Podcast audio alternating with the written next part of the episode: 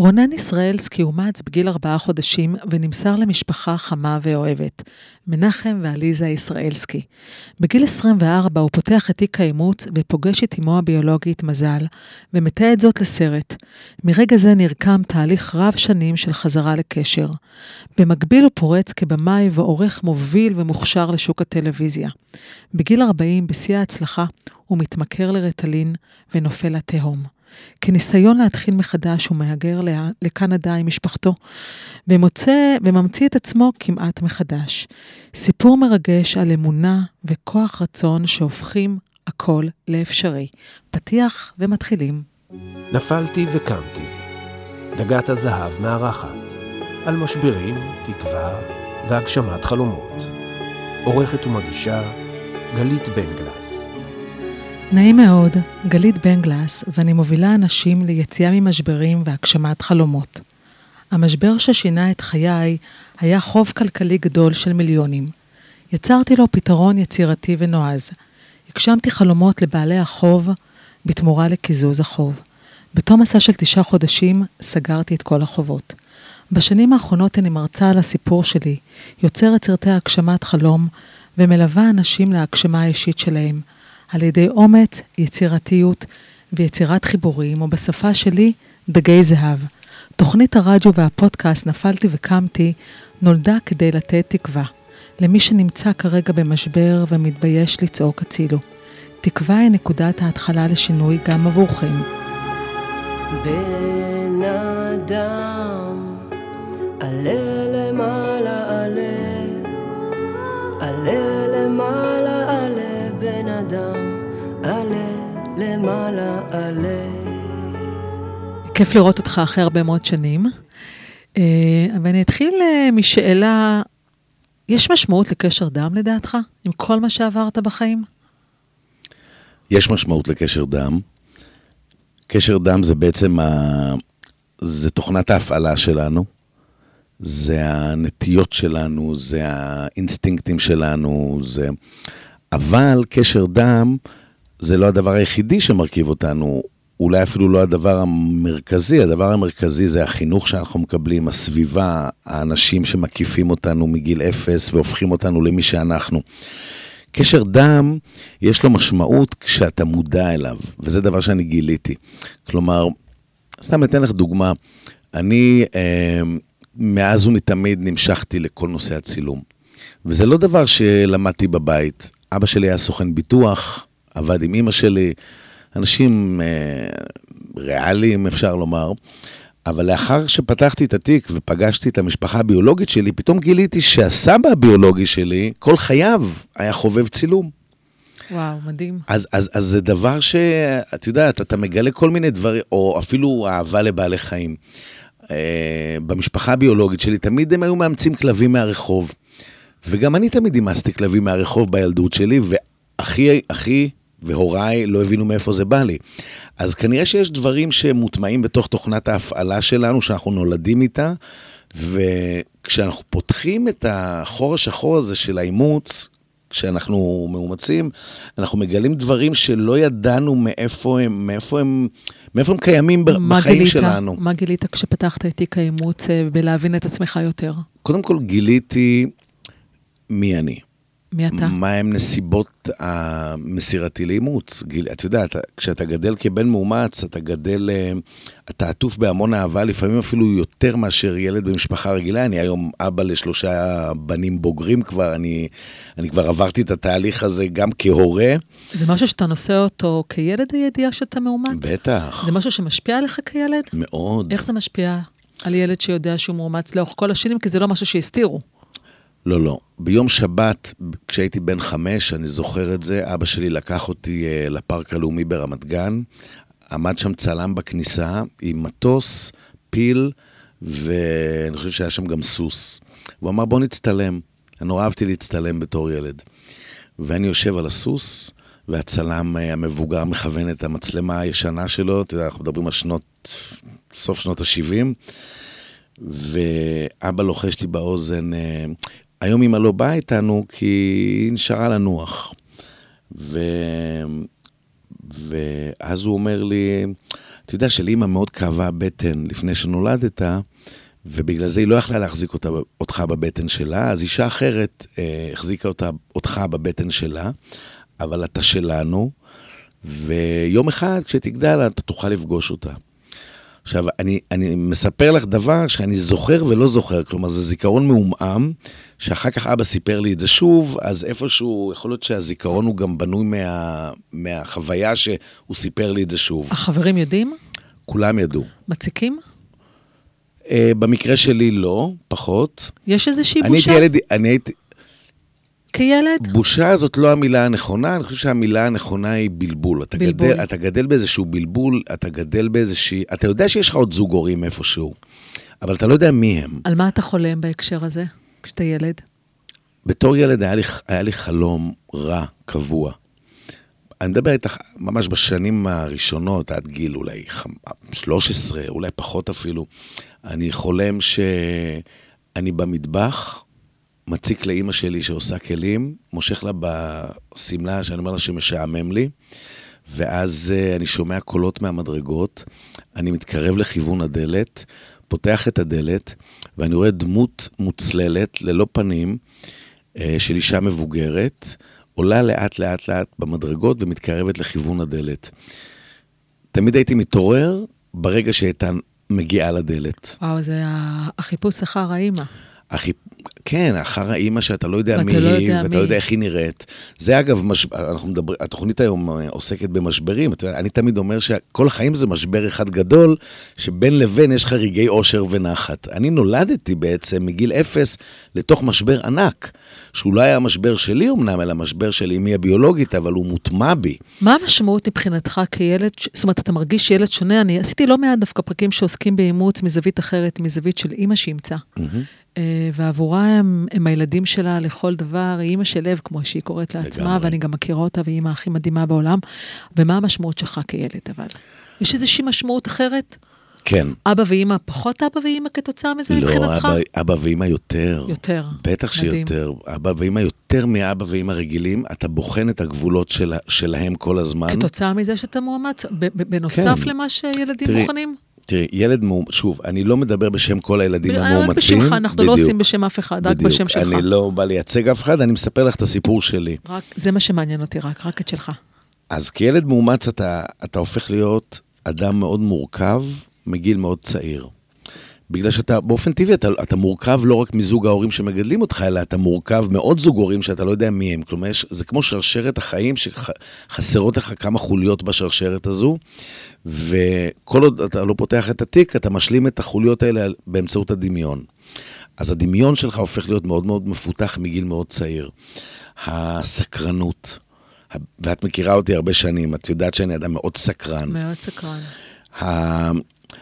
הקצת אפילו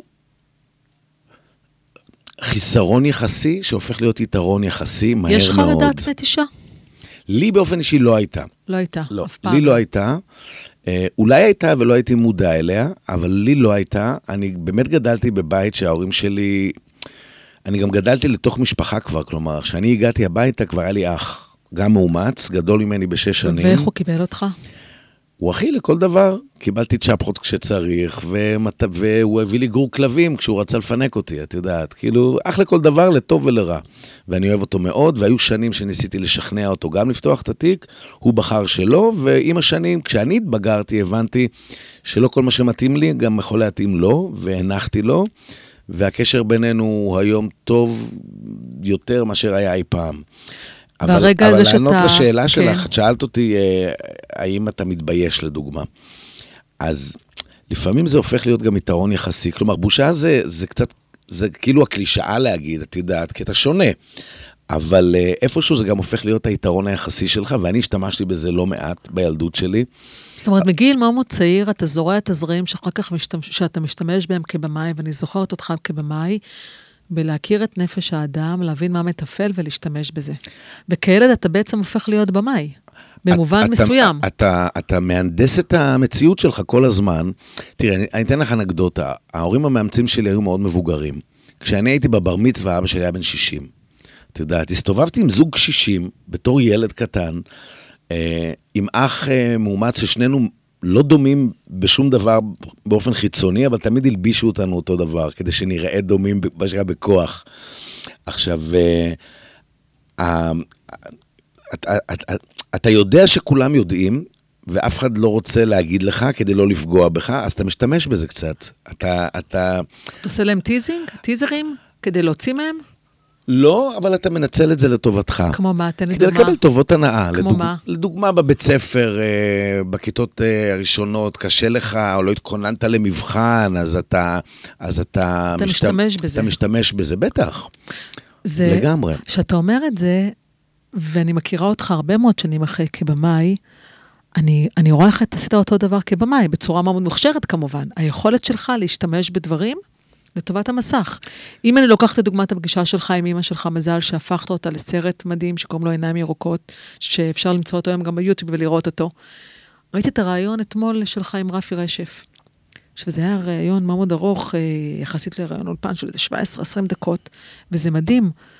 הוא חושב שהוא מביים את הסיטואציה, אבל אתה מביים אותה.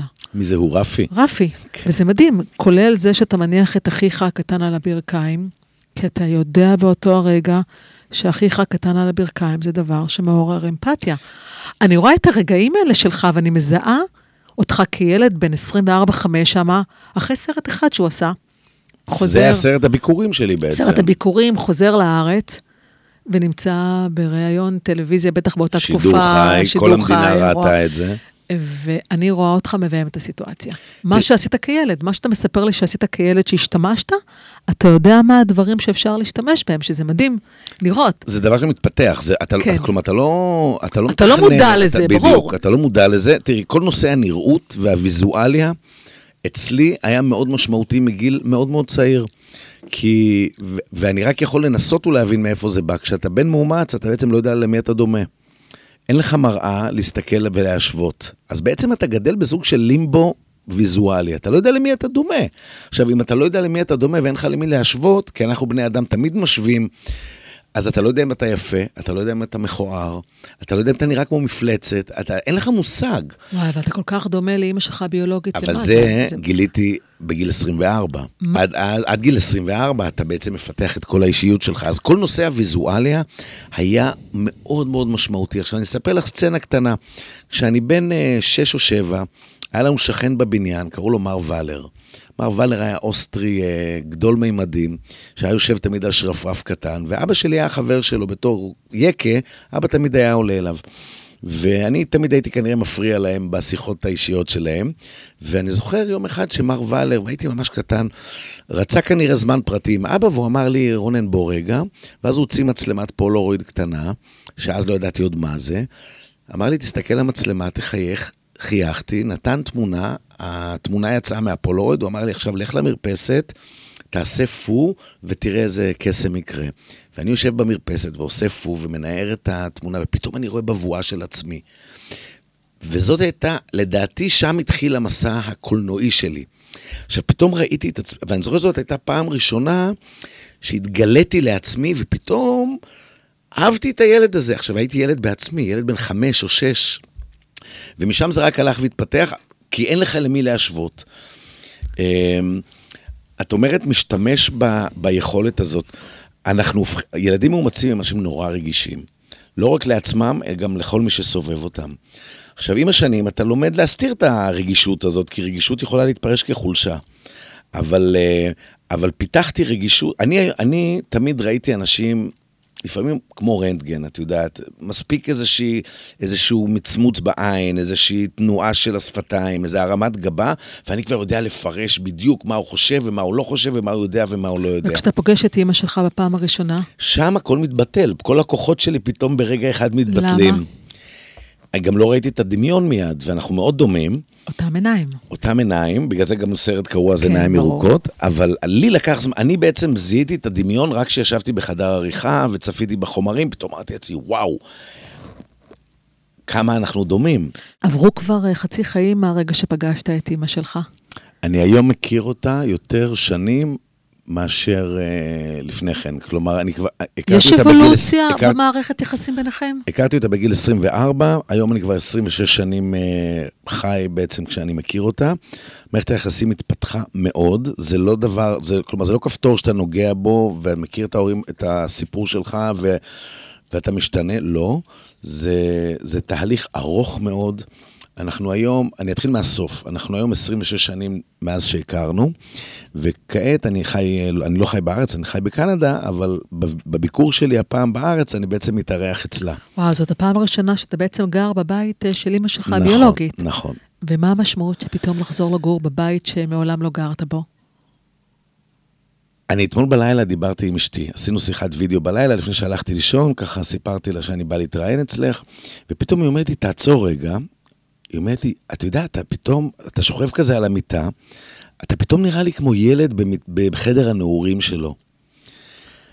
וזה ככה, זה הימם אותי ש, שהיא ראתה אותי ככה, את יודעת, פתאום... באיזה חדר היית שם בבית? באיזה חדר אתה בבית של אימא אני שלך? בחדר של הבן הצעיר שלה, שכבר הוא בעצמו התחתן. שכבר בעצמו התחתן. שהוא בעצמו אבא. זאת אומרת, זה חדר שאין שם את הזיכרונות ילדות שלך, מה זה עושה לאימא שלך שאתה פתאום גר אצלה? זה מדהים, כי היא כבר יצאה לפנסיה, ואנחנו כל בוקר קמים, שותים קפה ביחד ואוכלים ארוחת בוקר ביחד, והולכים לישון, אה, ולפני שאנחנו הולכים לישון, שותים אה, כוס תה בלילה ומדברים על כל מה שהיה. אנחנו תמיד אומרים, טוב, אנחנו היום נלך לישון מוקדם, כי בבוקר אני יש סידורים, לה יש עניינים, ואנחנו מוצאים את עצמנו עד שתיים בלילה מדברים. אה, יש לנו הרבה מה להשלים, את יודעת. בעלה נפטר לא מזמן, בעלה היה איש אה, מדהים ומקסים, שגם קיבל אותי, והכרתי אותו, ובעצם אה, קרו כל כך הרבה דברים שגרמו לרגע הזה שאני אבוא להתארח אצלה לקרות. מה, האור- מה, גילית, מה גילית עליה לאורך השנים? גיליתי את האהבה שלה לטיולים בעולם, שלי תמיד הייתה, מגיל אה, מאוד צעיר. היא פעמיים, שלוש בשנה נוסעת לטייל זאת בעולם. אומרת, דרכה אתה מגלה דברים בעצמך, אתה מבין את החיבור הגנטי של... אה, בדיוק. גיליתי, אה, גיליתי אישה מדהימה, חכמה, רגישה, יפה, שבעצם אה, 24 שנים חיכתה לרגע שאני אחזור. איך אתה קורא לה דרך אגב היום? אני קורא לה בשם הפרטי, מזל, כן. כן. מה... ואני מה- מציג אותה בתור האם הביולוגית. כן. ו- אני, מה- אני מה אמר- אתה מרגיש שלא הספקת עוד לומר לה, וכאילו ולא העזת? תראי, אני אמרתי לה אתמול או שלשום, אתה אוהב אותה? בטח שאני אוהב אותה. אתה אומר לה את זה? כן? כן? במילים כאלה? כן, אני אמרתי כן. לפני יומיים שאני אוהב אותה. כן, ואיך זה יותר? יותר ממה שאני אוהב אותה, אני אוהב את מי שהיא. אוהבת מישהי. אני אוהב את מישהי כי, כי אה, תראי, ושוב, אני מדבר רק מהסיפור שלי, אבל הרבה פעמים ילדים מאומצים רוצים לפתוח את התיק, והאימא לא מעוניינת, כי בעלה לא יודע, הילדים לא יודעים, השנים עשו את שלהם, וכאן הרצון היה משותף. אני רציתי בגיל 18 כבר לפתוח את התיק, ושלחתי בקשה לשירות למען הילד. קיבלתי אה, תגובה שהתיק הגיע למחוז תל אביב, ואני מוזמן לתאם פגישה לשמוע את הסיפור. התגייסתי לצה"ל, הייתי בבקו"ם, וביום השני שלי בבקו"ם אה, קראו לי למפקד, אה, to make a long story short, ואימא שלי נפטרה באופן פתאומי. חטפה דום לב. אז עצרתי את כל התהליך של פתיחת התיק, התאבלתי על אמי שנפטרה, ורק שש שנים לאחר מכן בעצם הרגשתי עוד פעם שיש יש, יש לי את, ה, את הפנאי הזה והמקום הזה לעבור את המסע. אפשר לסלוח על העבר? בטח, כן. חובה. סלחת לה? אני לא יכול להגיד ש... שכעסתי עליה אף פעם, לא כעסתי עליה אף פעם. כי אפשר להבין את הנסיבות בגיל 15. היא הייתה. ילדה בת 15 שנכנסה להיריון בלתי רצוי מרומן בקיץ שהיה לה עם אה, נער שנתיים גדול מי ממנה. הנער הזה, אתה יודע? אני יודע. פגשת אותו? לא. זהו, אף פעם לא דיברנו על הנער, תמיד דיברנו על האימא. לרוב מדברים על האימא, כן. וזה לא יהיה הסרט הבא שלך לפגוש את אותו נער? אני, אה, אולי זה יהיה הסרט האישי שלי, אני לא יודע אם אה, זה יהיה סרט בציבור, אבל, אה, אבל לא, אין- ספק שאני סקרן מאוד לדעת. כרגע אני לא עוסק כרגע בזה. לא. לא. אז מה שרציתי להגיד לך זה שבעצם 24 שנים היא חיכתה לי.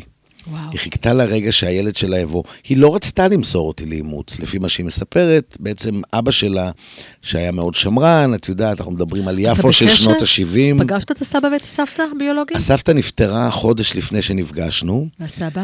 את הסבא פגשתי כמה פעמים, את המפגש הראשון לעולם לא אשכח. היא הזמינה אותי לחתונה של הבת שלה.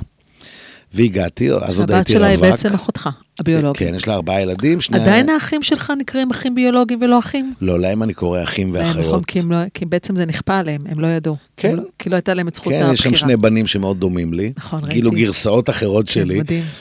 והוזמנתי לחתונה, ואני ככה, עוד הייתי רווק, עוד באתי בלי אה, אשתי אז, ואני ככה מסתובב עם כוס וויסקי ביד עם קרח, ופתאום ניגש אליי אדם מבוגר, בן 70 פלוס, גבוה, איש מרשים, והוא אומר לי, רונן, אתה, למה אתה לא בא להגיד לי שלום? ואני זוכר, אני זוכר את, ה, את המבט שהתחיל מהנעליים שלו, לאט לאט המבט, אני כאילו ידעתי מי זה, אבל, אבל החזקתי את הרגע. ולאט לאט המבט שלי מתרומם, ואני מסתכל ואני רואה אותו, קראו לו ליאון. יש כעס עליו? אני לא חושב שאת זה לך. צריך לשאול אותה, לא אותי. כי אם, תראי, אני, הרי, אנחנו מספרים, אנחנו מספרים את הסיפור ואני מפרק אותו לרגשות, אבל בסופו של דבר, אני אומצתי בתור תינוק בן יומו כמעט, בגיל ארבעה וחצי חודשים. אנחנו לא זוכרים כלום. אין, אין זיכרון. אין אה, זיכרון. לאף אתה. ג- כל מה שאני מספר לך זה, זה, זה, זה רגשות ותחושות וסיפורים שסיפרו לי לאחר מכן. כעס היה לה. היא לא דיברה איתו בעצם עד שהיא פגשה אותי, ואני אמרתי לה, את חייבת כאילו לדבר עם אבא שלך. ואמרתי לה, תראי, בסופו של דבר, קרתה טרגדיה, אולי כאילו בגללו נאלצת למסור אותי, אבל בסופו של דבר קרה דבר טוב. היא סלחה לו? היא סלחה לו. עם השנים היא סלחה לו. אני לא מעט מתעסקת בסליחה ובחמלה, כי הם שני דברים שונים לחלוטין, וזה מרגש בכל פעם מחדש להבין שאין גיל מאוחר מדי. נכון. עכשיו, הסליחה היא קודם כל עבורנו, בשביל הנפש שלנו.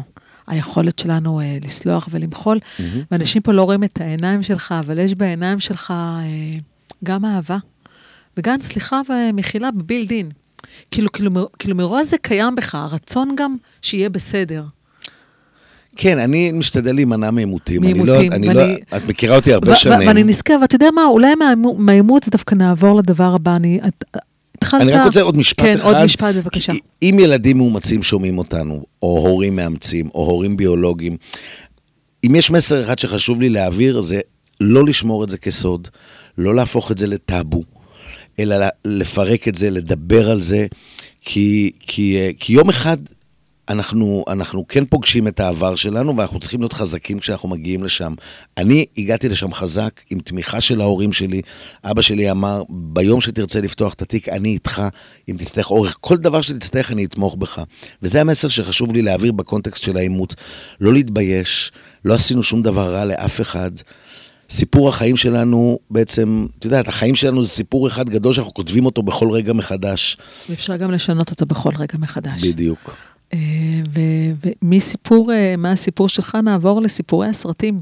אוקיי. הכרתי אותך בערך חצי חיים מהיום, חצי מהגיל, כן. אה, בתוכנית שקראו לה זום. אני הייתי מפיקה יחסית צעירה בתחילת דרכי, אתה היית במאי שבדיוק חזר מלונדון. לאר- מלונדון לארץ. אה, ובאמת עבדנו המון המון שנים ביחד. נכון. ומאוד מאוד הערכתי אותך תמיד, וגם הבעתי את זה ביכולות, בכישרון שלך, בעולם הוויזואלי המאוד מאוד חזק שלך. ביכולת שלך אה, לחבר סיפור ולערוך אותו, ו- ובאמת, אני זוכרת אני, את. אני מרגיש פה שיש אבל שמגיע. לא, לא, לא, לא, אין אבל. האבל, אה, את האבל דווקא גיליתי אתמול בתחקיר. כי אני זוכרת, תחילת שנות ה-40, זה כמה שנים לפני הסגירה גם של באז, עשינו איזשהו מיזם ביחד, אה, ואני זוכרת שהוא מסתיים לא טוב בינינו. אף פעם לא על קטע מקצועי, אה, כי תמיד ברמת הכישרון, כאילו, ת- באמת, אה, היית באמת פנומן ואתה עדיין כזה. אה, אני זוכרת משהו, אני, אני זוכרת את הרגע הזה ש, ש, שאתה לא מגיע, אתה לא מגיע. אנחנו קובעים זמן עריכה ואתה לא מגיע ואתה לא מגיע, וממש בכאב רב, אני זוכרת שנאלצתי לסיים את ההתקשרות בינינו, וזה שבר לי את הלב, כי מאוד מאוד הערכתי אותך. והיכולת הזאת היא בעצם לסיים איתך התקשרות, גרמה לי חוסר מאוד מאוד נעימות, דווקא בגלל 20 שנה, 20 שנה של היכרות, ופתאום בתחקיר אתמול אני מגלה שהיית מכור לרטלין. מהמם. ופתאום הבנתי כמה אנחנו לא יודעים על אנשים, למרות שאנחנו חושבים שאנחנו יודעים. ואני מבינה שבזמן שאני אולי מתבאסת עליך שאתה לא מגיע למשמרת בזמן, אתה חווה גיהנום. כן, אני פרצתי לתעשיית הטלוויזיה בישראל בגיל מאוד צעיר, בגיל 24. אה, אף אחד לא הכין אותי ואני לא התכוננתי בעצמי, זה פשוט קרה. עם הסרט שהזכרת קודם, עיניים ירוקות, והסרט הזה הוביל מיד מבול של הזמנות שנתיים קדימה.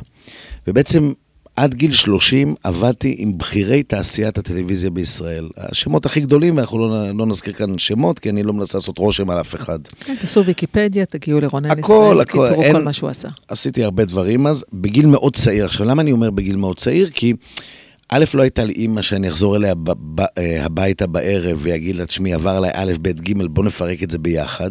לא היה לי, אה, לא היה לי, אה, לא הייתה לי גם את הבגרות המקצועית. הייתי מאוד מוכשר במה שעשיתי באותם השנים, כמו שהזכרת, ואני מודה לך על הקומפלימנט, אבל לא הייתי, אה, לא הייתי מוכן לפריצה הזאת.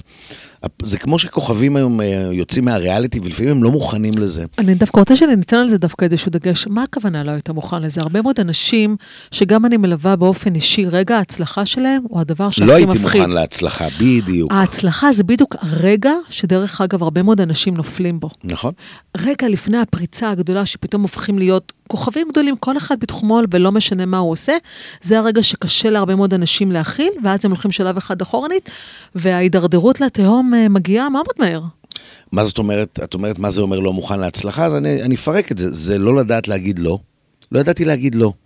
לפעמים הייתי עושה שניים, שלושה סרטים במקביל. נכון, היית עובד סביב השעון. סביב השעון. אני זוכרת משמרות בארבע לפנות בוקר. הייתי גומר תוכנית, שוב, אני לא אגיד שמות של תוכנית, אבל את התוכנית עם הכי הרבה רייטינג בארץ הייתי גומר בשבע בערב, בשמונה היא משודרת, בתשע אני מתחיל משמרת על תוכנית שמשודרת מחר, בכלל בערוץ המתחרה. למה, למה לא ידעת להגיד לא? כי לא האמנתי שרוצים אותי. אוקיי, מתוך המקום של, של לאהוב אותי. לא, מתוך המקום, לא, קודם המ- כל מתוך המקום שאני נורא אוהב את מה שאני עושה, זה דבר אוקיי, ראשון, אבל למה. לא האמנת שרוצים אותך? ש... כי כולם אמרו לי תמיד, וזכיתי גם להרבה הוקרה מגיל מאוד צעיר, אבל על עצמי, זה כאילו, אני, זה, זה, אני תמיד הרגשתי שאני כאילו עובד על כולם, ואני לא באמת כזה מוכשר, ואני לא כזה תסמונת טוב. המתחזה? כן, שזה דבר, אני קודם כל מנרמלת לך את זה, כי הרבה מאוד אנשים ברגעי ההצלחה חווים את תסמונת המתחזה. את הידיעה, רגע, הם לא רואים שאני בעצם פייק? הם לא רואים, זה לא שאני פייק, תראי, אני ידעתי שאני טוב. אני, אני, אני ידעתי שאני טוב, כי היה, היו לי כלים להשוואה עם, אני מדברת על עריכות. לפעמים היה מגיע עורך, עורך תוכנית בשבועיים, ואני הייתי עושה אותה ביומיים והרבה יותר טוב. אני שוב, אני מדגישה את זה, אתה היית פנומן, באמת. היכולת שלך לרקוד על המקלדת ולחבר את מה שצילמת ולערוך מזה סרט, אני זוכרת את החיוך שהיה לי שראיתי מה אתה יודע לעשות. זה באמת, זה הדהים אותי. כי רקדת, רקדת על המקלדת, זה היה החיבור שלך כבמאי וכעורך. עכשיו, זה בא לי כל כך טבעי, שלא הרגשתי שזה משהו מיוחד, זה מוטמע בי. גם היום, אגב, גם היום אני כזה, כשאני משדר בערוץ הישראלי בקנדה. איך מתחילים רגע עם רטלין? אני חייבת להבין. מה הרגע שאתם אוקיי. מתחילים עם זה בכלל? כי הרבה מאוד אנשים מתמכרים. אז הסיפור הרבה מאוד של אנשים מתמכרים לכל מיני דברים. אז תודה לאל, אני לסמים או לאלכוהול מעולם לא, התמק... אה, מעולם לא נפלתי לזה ומעולם לא גם אה, התמכרתי לזה. הסיפור של הרטלין מגיע מתוך, אה, מתוך אה, עבודה מסביב לשעון. זה התחיל אצלך במשרד, שאחד מהעובדים אצלך, אה, אנחנו לא כמובן נזכיר שמות, אבל אה, שעבד איתנו על תוכנית ביחד משותפת, והיינו עובדים ימים כלילות, אומר לי, רונן, תקשיב, אתה גמור, אתה כבר יומיים בחדר עריכה. בוא, יש לי משהו לתת לך שיעזור לך. וואו. ואמרתי לו, לא, אני לא כל כך אוהב את הדברים האלה, וכבר ידעתי מה זה רטלין, כי הבן שלי אז הקטן אובחן עם הפרעת קשב וריכוז, והמליצו לו והוא ניסה ולא אהב. אמרתי לו, לא, עזוב, אני לא בעניין. הוא אומר לי, תקשיב לי, אתה תיכנס לפוקוס, תוכל לעבוד עוד עשר שעות, וגם העריכה תצא יותר אה, מדויקת. אמרתי לו, אתה יודע מה? תביא כדור, ננסה. לקחתי כדור, ופתאום כל העייפות נעלמה, ואתה מרגיש שאתה יכול לעבוד עוד יומיים רצוף, וגם הסרט שאתה עורך עשר יותר טוב. כי, ה, כי ההקשרים שלך הם יותר מדויקים, יש לך יותר אסוציאציות, אתה, אתה כאילו הופך להיות יותר יצירתי. אתה לוקח בעצם כדור בלי מרשם רופא, ובעצם לי. אצלי במשרד, מבלי שאני יודעת, זה לא היה צריך במשרד, זה אה, האולפן אה, ששכרנו אז אוקיי. לאחת ההפקות, אה, אבל זה היה בהפקה שלך, אה, ובעצם זה היה, כן, והוא נותן לי כדור, הוא אומר, תבלע אותו, ותוך חצי שעה תראה מה יקרה. ואני בולע אותו, לתחושה? ואני בולע אותו, ו- ופתאום, אנחנו נמצאים ברדיו קסם, זה פתאום קסם. פתאום כל העייפות נעלמת, אתה מפוצץ אנרגיה, מפוצץ יצירתיות, והוא גם על הכדור הזה, אז פתאום הסימביוזה הזאת של שנינו, ולמחרת בבוקר את מגיעה עם עידו, השותף שהיה לך, ואת רואה את העריכה ואת עפה. את אומרת, וואו. אז אתה- זה עדיין רוצה הדבר לשחזר את המדהים זה. שלך, רגע, אני רק פותחת פה אז אתה רוצה סוגריים. לשחזר את רגע, זה. רגע, אבל אני עדיין, זה- זה חלק מהיכולת המופלאה שלך, עדיין בשידור חי איתי לספר סיפור ולייצר את ההקשרים ואת החיבורים. אה, זה זה- מה שאתה אבל זה עושה ב- כילד קטן, אבל זה בבילדין אבל שלך. זה מה שהיה. לא, לא, אני רק זה מעירה את זה. בך באלף, בקטע שאני תמיד, כאילו, אני אומרת את זה בחיוך, כן, זה כן. עדיין, אבל זה מה אתה שהיה. פה לי, ואני כבר רואה איך אתה בא ואתה יוצר את החיבורים, וזה מדהים, עדיין יש לי שאתה עושה את זה. כישרון לספר, אבל את כן, הסיפור... אבל, אבל, אבל זה לא רק כישרון לספר. זה לייצר את החיבורים גם. שזה מה שידעת לעשות גם כבמאי. זה עבוד, זאת העבודה שלי, וזה עדיין החיים שלך. שלי. וצודק. לגמרי. ואתה עדיין עושה את זה עבור עצמך לגבי החיים שלך, באיך אתה מציג כל את זה. הזמן. כל החיים שלי זה תסריט אחד ארוך, גם בסוף עיניים כאילו ירוקות יש קצת כמו המשפט שאני אומר... טרומן שואו במובן מסוים, רק שטרומן יודע שמצלמים אותו. אה, כן, כל החיים שלנו זה, זה, זה המופע כן, של טרומן, כן, רק ברור. שטרומן לא יודע, ואתה לצורך ואני יודע, העניין, ואני זה ש... אתה ואני יודע, בלי שאתה, מבלי שאתה אומר לאחרים שאתה יודע. אתה אומר, תשמעי, בזמנו הציעו לי לביים את האח הגדול, להיות האח הגדול אחרי יורם. דרך קיבלתי אגב, הצעה. אני חושבת שזה יכול להיות ליהוק מושלם. ואני אמרתי, תקשיבו, אני אאבד שם את שפיות דעתי. אין מצב שאני עושה את זה. אז את רגע, אז אתה מתחיל עם הרטלין אצלי. ואז כדור, ו- ועוד כדור, ולמחרת עוד סשן, ועשינו סדרות ביחד, לא עשינו סרט אחד. מי יודע מזה? רויטל יודעת? אני והוא. אה, המשפחה יודעת אה, ב- כן, בהתחלה? אשתי יודעת. תראי, בהתחלה זה עוד בסדר, אתה יודע, רופאים לוקחים רטלין, סטודנטים לפני מבחנים, בהתחלה זה עוד בגדר ה... אוקיי, מילא. הבעיה התחילה כשהעבודה התגברה, לוח הזמנים התקצר, הדרישות שלי מעצמי והדרישות שלך ממני עלו, ואז בעצם זה הופך להיות התמכרות. רגע, שנייה, יש פה איזשהו משהו מעניין במה שאתה אומר. כי אתה בא עכשיו, ובעצם לא, אני לא ואומר... מפיל את זה לא, עלייך, לא, לא, לא, לא לא. אבל אני גם, אני גם מסירה אחריות מהמקום הזה, אבל עדיין, ככה אתה בא וככה, בקטנה, בקטנה כזה בא ואומר, הדרישות עלו. כן. לצורך העניין, אתה, אתה יוצר הקשר בין הדרישות לבין הרטלין. בטח. למה? כי... למה תראי, אני כי- מעולם לא לקחתי רטלין? אני באמת שואלת. כי, כי את, תראי, קודם כל זה גם עניין של אופי ומבנה אישיות. לא כל בן אדם הוא... בתחום הייתי מאוד נדירה, לא נגעתי לא בסמים, לא בגראס, לא בסיגרות ולא באלכוהול, אבל הייתי מאוד נדירה אז בתחום הזה. נכון. והיה גם איזושהי הנחיה שבבאז לא מכניסים גם אה, נכון. גראס, ומי שרוצה לעשן, נכון. שירד למטה לעשן. נכון. זאת אומרת, הייתי גם האנטי בהקשר הזה. מאוד. ועדיין אתה בא ואומר, הדרך היחידה שלך לשמור על הפוקוס ועל השפיות ועל המצוינות, זה רטלין. באותה תקופה. באותה עד אז תקופה. לא הייתי צריך את זה, ועשיתי תוכניות לא ל- פחות גדולות. למה? אבל מה היה שם כי היה? משהו, היה, היה משהו ב... ב... תשמעי, אני בן 40 אז, היום אני כבר בן 52, אבל אז הייתי בן 40, בס...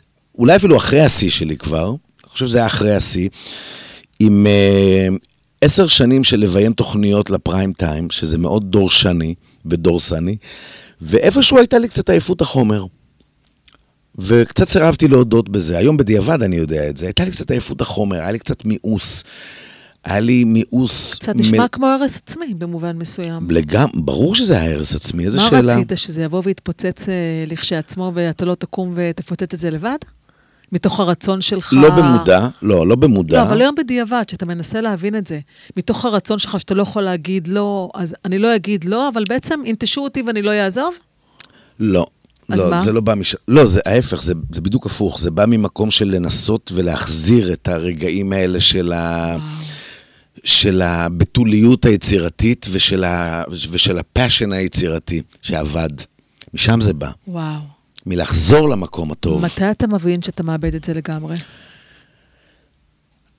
ערב יום הזיכרון, ערוץ 10 מבקש ממני לביים את, אה, את ערב יום הזיכרון, סרט אה, של אה, אחת מהבימאיות הגדולות שם, ואנחנו עובדים על סרט אה, מדהים ביחד, ובמשך שבועיים אני עורך את הסרט, ו...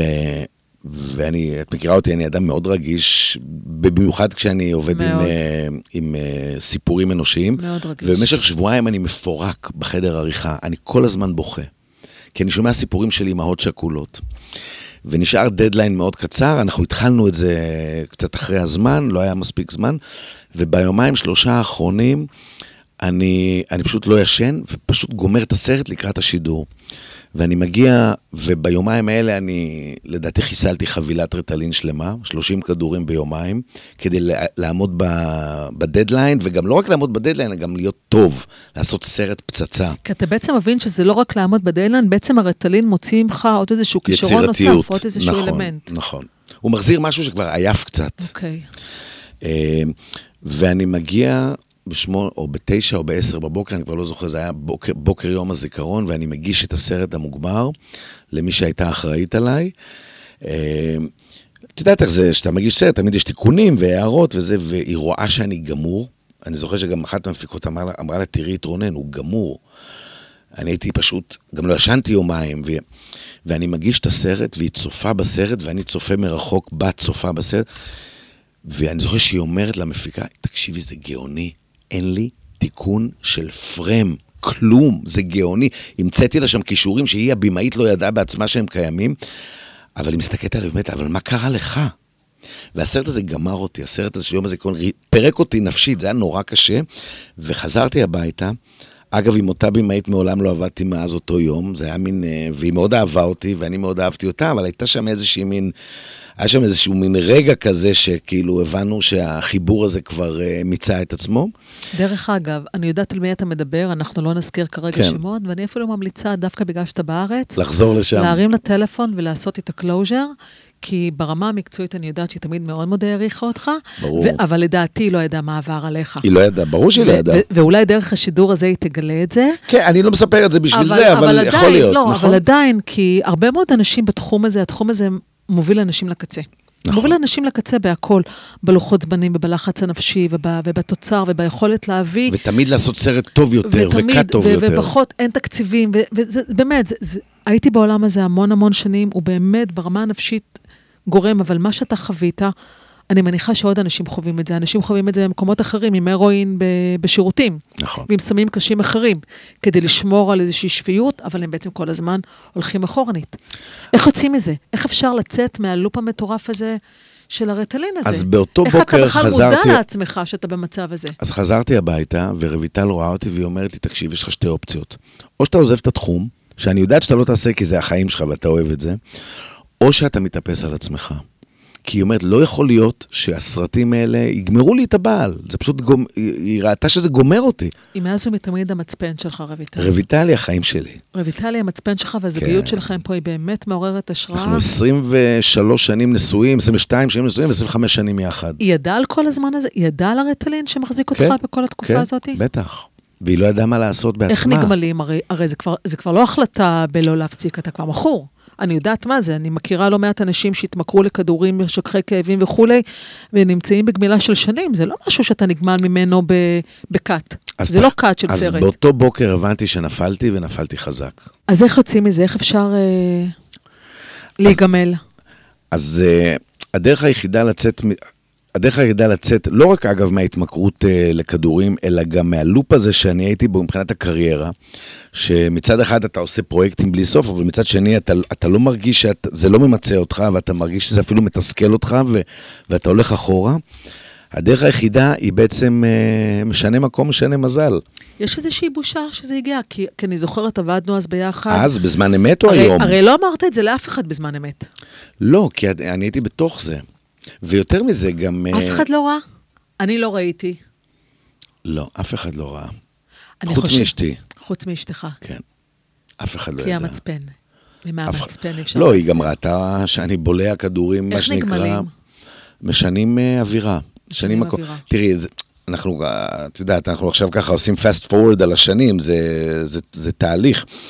קודם כל, uh, מעיפים את כל הכדורים מהבית. אני היום, את יודעת, היום אני לא לוקח אקמול אפילו. אני היום טבעוני, כואב לי מה שאני לוקח תרופות טבעוניות. אבל נחזור אחורה. אבל ההתמכרות עדיין קיימת? זאת אומרת, יש את החשש של לחזור לזה? יש לרטלין לא. לרטלין לא. לא. ולכדורים אחרים? לא, כן, לא, אבל אני, אבל אני כן אגיד ש... once addicted, always addicted, זה כמו באלכוהול, אנשים שמכורים כן. לאלכוהול הם תמיד יהיו, אז צריך להיזהר, צריך להיזהר. אני, אה, תראי, אני במקום אחר היום. אני, אני במקום אחר, אני עוד שיניתי. מעט נגיע רגע למקום שאתה נמצא בו היום, אני רק, עוד ש... אנחנו גם נגיע, ובזה אנחנו נסיים גם את הפרק במקום שאתה דווקא אתה נמצא בו היום, כי, כי, כי יש אופטימיות, אבל אותה תקופה שלך עם הרטלין פוגעת לך בפרנסה? היא לא. בעצם אה, משביתה אותך אה, בתחום? לא, לא. אני עבדתי בארץ, עשיתי תוכנית לרשת ב... שהגשתי אותה יום לפני שעברתי לקנדה. אז, אז למה עוברים לקנדה? מה, מה גורם בעצם המעבר למעבר לקנדה, לקנדה? המעבר לקנדה הגיע מתוך אה, תחושה של כבר לא יכולתי להיות פה. מאסתי בהכל, לא אהבתי את המדינה, לא אהבתי את האנשים שאני עובד איתם, לא אהבתי את מה שאני עושה. אבא שלי נפטר, אימא של אשתי נפטרה, לא היה לנו מה לעשות פה יותר. כשאתה עובר לקנדה, אתה עדיין מכור או אתה כבר לא, בגמילה? לא, לא, לא. אני שזה עובר צעד לקנדה. מאוד אמיץ. אני, תקשיבי, כשאני עברתי לקנדה, עשינו ריסטארט על הכל. אנחנו, שוב, זה היה אחרי פטירה של הורים גם. בן זה היה, היית? הייתי בן 44. אוקיי, שזה עם כבר- שלושה שזה ילדים. כבר שבע שנים. לפני כשבע שנים. שבע וחצי, שמונה שנים, כן. אוקיי, שלושה ילדים, שזה גיל אה, מאוד אמיץ אה, עכשיו, לעבור. מה שהיה מדהים, הרי חלק מהרב- מהרוויה שהייתה לי מהתחום היה כי הייתי במאי של ריאליטי, והסדרה הראשונה שעשיתי בקנדה הייתה סדרה של 12 סרטי טבע. לא היו לי אנשים לראיין, לא היה לי להביא אותו למקום, היה לי לצלם חיות. איך מתחילים, רגע, איך מתחילים בכלל? הרבה מאוד אנשים עכשיו מדברים על לעזוב את ישראל. כן, אה, שאני נגד אגב, אני, אני היום הפכתי להיות הפטריוט הכי גדול שאת אה, תפגשי. אבל ה- הלוואי ואין לנו זמן להיכנס לזה, ואין לנו זמן, אבל עדיין הרצון הזה, אה, אני חושבת שהמחשבה תמיד לעזוב, זו המחשבה שאולי משהו טוב יותר מחכה לנו במקום אחר. ועדיין... אז זה גם לא נכון, כי אתה לא יכול לברוח מהשדים של עצמך גם אם תיסע לירח, אז- וזה למדתי. אז איזה שדים אתה מגלה בקנדה? לא, בקנדה אני מגלה מישהו חדש לגמרי, ואני מגלה צבעים בי שלא ידעתי שקיימים. איזה צבעים? צבעים של... אה, של סבלנות פתאום, שלא הייתה לי. בארץ הייתי מאוד על הקצה תמיד, ומאוד קצר עם כולם. של, אה, של תחומי עניין חדשים, של, אה, של פרספקטיבה. פתאום קיבלתי פרספקטיבה לא רק על החיים שלי, על, על כל העולם שהיה לי. פתאום למדתי לאהוב אותך, אחר, גלית. כי אחרי שנפלתי על הריטלין, אז עם... גם כעסתי מאוד עלייך, ונפגעתי מאוד ממך. למה? כי אני זוכר שאחרי שהפסקנו לעבוד ביחד, התחלת לעבוד עם במאי, שאני יודע שהוא היה לך יותר זול, ואני, ואני ראיתי שהוא נתן לך תוצאה פחות טובה, מבחינה טלוויזיונית, ונורא נפגעתי ממך. לא משנה שהיום אני, לא רק שאני לא כועס, כועס עליך, אני מאוד אוהב אותך, ותמיד אהבתי אותך, ואת גם היית בחתונה שלי. נכון, אבל אבל לא, נפגעתי אני- מכולם, כן. נפגעתי, זה לא היה קשור אלייך. אבל אני מבחינתי, דרך אגב, הפסקתי לעבוד, וגם כן, זה זיכרונות עוד שיש לי בצורה מהומם, כאילו, הם לא זיכרונות ממש אה, מדויקים, אבל הזיכרון הוא, אה, זה אף פעם לא היה בגלל קטע מקצועי. ברור. זה לא, סליחה, זה לא היה אף פעם בגלל כישרון, זה היה בגלל האפקט, שהיום אני מבינה שהוא האפקט של הרטלין. אז, ז- אז, זה מה שנדהמתי כשגילי, כשקראתי אתמול את התחקיר עליך, וזה בעצם כמו- הייתה ההפתעה שלי. אז כמו שנפגעתי ממך, נפגעתי מעוד הרבה אנשים באותה תקופה. גם איפשהו אולי נפגעתי שהם לא זיהו את זה שהייתי במצוקה. וואו. אתה כאילו אומר, הבן, הרי הייתי, הייתי איתך רוב שעות היום, יותר מאשר עם אשתי. אמרתי, איך היא לא קולטת שאני במצוקה? איך היא לא רואה? היא 20 שנה מכירה אותי. לא ראיתי. לא ראיתי, ואני חושבת שאחת התובנות, כשאני גיליתי באמת, אה, כשקראתי את התחקיר שלך אתמול, זה כמה אנחנו באמת לא יודעים. כמו שאתה באמת לא ידעת מה עובר עליי. נכון. אנחנו לא באמת יודעים, כי כולנו לא, אני, במסכות. ידע, אני ראיתי שעובר עלייך, אה, עוברת עלייך תקופה קשה, והיו היו, היו, היו נקודות שניסיתי לדבר איתך, אני זוכר. כן, אבל זה לא- לא רלוונטי לשידור כן, שלנו. נכון. אבל אני באה ואני אומרת, אנחנו לא באמת יודעים, כי לכל אחד מאיתנו יש את המסכה שהוא בוחר להציג, ודווקא גם נכון. היום בעולם הזה של הפייסבוק והרשתות החברתיות, שאז הן היו פחות נפוצות, יש את, ה, את הדימוי ואת התדמית שאתם רוצים לבוא ולהציג באותו רגע. נכון. ודווקא מתוך הפרספקטיבה שאתה מדבר עליה, שאתה מגיע לקנדה, ששוב, זה לעזוב מדינה בגיל כזה עם ילדים גדולים, זה נשמע לי באמת דבר מאוד מאוד אמיץ, ואז אתה בעצם מגשים חלום. אני מגשים כמה חלומות. כי החלום שלך, כמו שאני זוכרת אותך, הוא תמיד היה להיות בפרונט. היית המון המון שנים בבק, אבל מאז ומתמיד אתה, אתה דמות. אתה דמות. אתה שחקן, ואתה מנחה, ואתה טאלנט בפני עצמו. ופתאום אני רואה אותך כמי שצופה בפייסבוק ומסתכלת עליך, מגשים חלום, ויום אחד אני רואה אותך בשידור חי, שבאמת, אני חושבת שמיליונים אנשים צפו בזה, הולך ומבטיח, מה? וושינגטון, טראמפ אה, לפני... אה, אה, את מדברת על תקופת כן, וושינגטון. אבל ממש ככה, בדקה וחצי, מה אתה מבטיח שמה? אני זוכרת את השידור הזה, אני זוכרת את הרגע. עכשיו, זה היה, זה היה שידור שסחף אחריו, באמת. כן, תקופת וושינגטון, זה, אנחנו, אתה יודע, אנחנו קצת חוטאים לזה עכשיו, כי זה באמת, ראו, זה, זה תוכנית בפני עצמה. Uh, המסע לוושינגטון היה באמת השיא המקצועי שלי הכי משמעותי עד היום, אבל גם הנפילה בעת ובעונה אחת. Uh, אני סיקרתי את אירועי אה, הפריצה לקפיטול, מצאתי את עצמי שם, הרי אף אחד לא ידע שזה יקרה. ובאמת, אה, מאות אלפים ממש צופים בזה. היו לי בערך חמישה מיליון צופים אני בשבוע. זוכרת את זה כי גם אני, ואז אתה מבטיח מה? אני לא יודע לאיזה הבטחה את מתכוונת. בשידור, שמה הולך לקרות? אני לא הבטחתי כלום. אני, אוקיי. אני תיארתי את הנרטיב שהיה בארצות הברית. ומה היה הנרטיב? הטעות. לשידור שאת, אני מתאר לעצמי שאת מתייחסת אליו, היו אז 12 אלף צופים בלייב, בלייב עצמו היו 12, לדעתי לביבי לא היו 12 אלף צופים, ולשידור הזה קראו יקומים מקבילים. ובמהלך שעה וחצי אני מתאר את הנרטיב האמריקאי, ואני אומר, שסיפור אחד שרובכם מכירים אומר שב-20 לינואר ג'ו ביידן יישבע להיות נשיא ארצות הברית.